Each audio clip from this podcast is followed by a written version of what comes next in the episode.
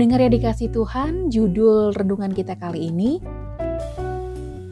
Diselamatkan bukan karena perbuatan baik, yang bacaannya diambil dari Titus pasal 3 ayat 1 sampai 11. Titus pasal 3 ayat 1 sampai 11.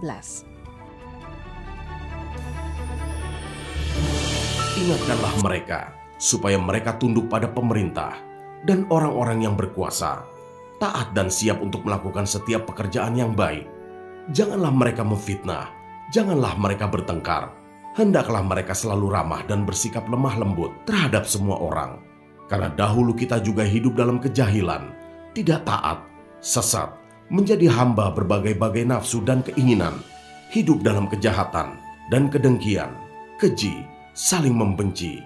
Tetapi ketika nyata kemurahan Allah, juru selamat kita dan kasihnya kepada manusia, pada waktu itu dia telah menyelamatkan kita bukan karena perbuatan baik yang telah kita lakukan, tetapi karena rahmatnya oleh permandian kelahiran kembali dan oleh pembaharuan yang dikerjakan oleh roh kudus yang sudah dilimpahkannya kepada kita oleh Yesus Kristus, Juru Selamat kita, supaya kita sebagai orang yang dibenarkan oleh kasih karunia-Nya berhak menerima hidup yang kekal sesuai dengan pengharapan kita. Perkataan ini benar dan aku mau supaya engkau dengan yakin menguatkannya agar mereka yang sudah percaya kepada Allah sungguh-sungguh berusaha melakukan pekerjaan yang baik.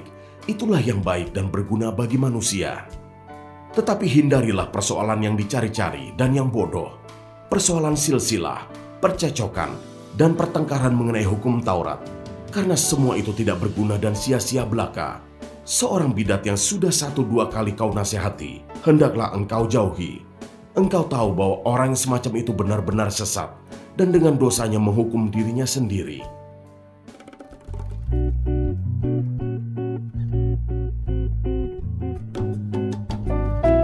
Pada waktu itu, Dia telah menyelamatkan kita, bukan karena perbuatan baik yang telah kita lakukan, tetapi karena rahmatnya oleh permandian kelahiran kembali dan oleh pembaharuan yang dikerjakan oleh Roh Kudus. Titus pasal 3 ayat 5. Pendengar yang terkasih, konsep keselamatan di dalam kekristenan bukanlah suatu ajaran yang abu-abu. Konsep keselamatan ini diajarkan secara jelas. Bahkan pengajaran itu menekankan, keselamatan itu bukan hasil dari segala perbuatan baik yang telah dilakukan oleh manusia. Perbuatan baik manusia sama sekali tidak bisa menyelamatkan. Keselamatan terjadi hanya karena kasih Allah semata Keselamatan ini merupakan inisiatif dari Allah yang mengerjakan Allah dan tidak ada campur tangan manusia di dalamnya.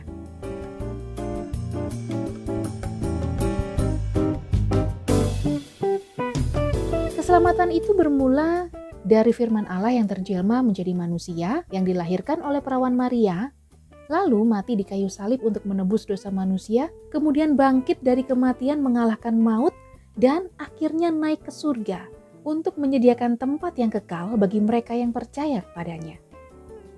Pendengar yang terkasih, jadi secara garis besar, keselamatan itu adalah usaha Allah agar manusia dan Allah itu bersatu dalam hal karakter atau sifat. Dan cara untuk mendapatkan keselamatan hanya dengan percaya kepada Yesus saja. Di luar Yesus, tidak ada jalan lain untuk mendapatkannya. Jadi perbuatan baik yang kita lakukan itu adalah akibat dari keselamatan.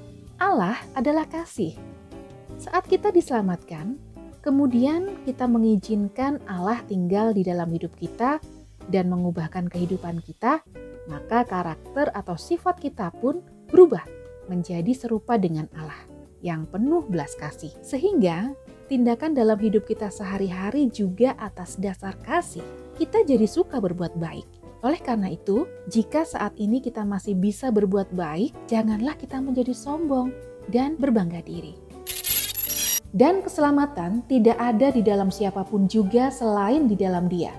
Sebab di bawah kolong langit ini tidak ada nama lain yang diberikan kepada manusia yang olehnya kita dapat diselamatkan.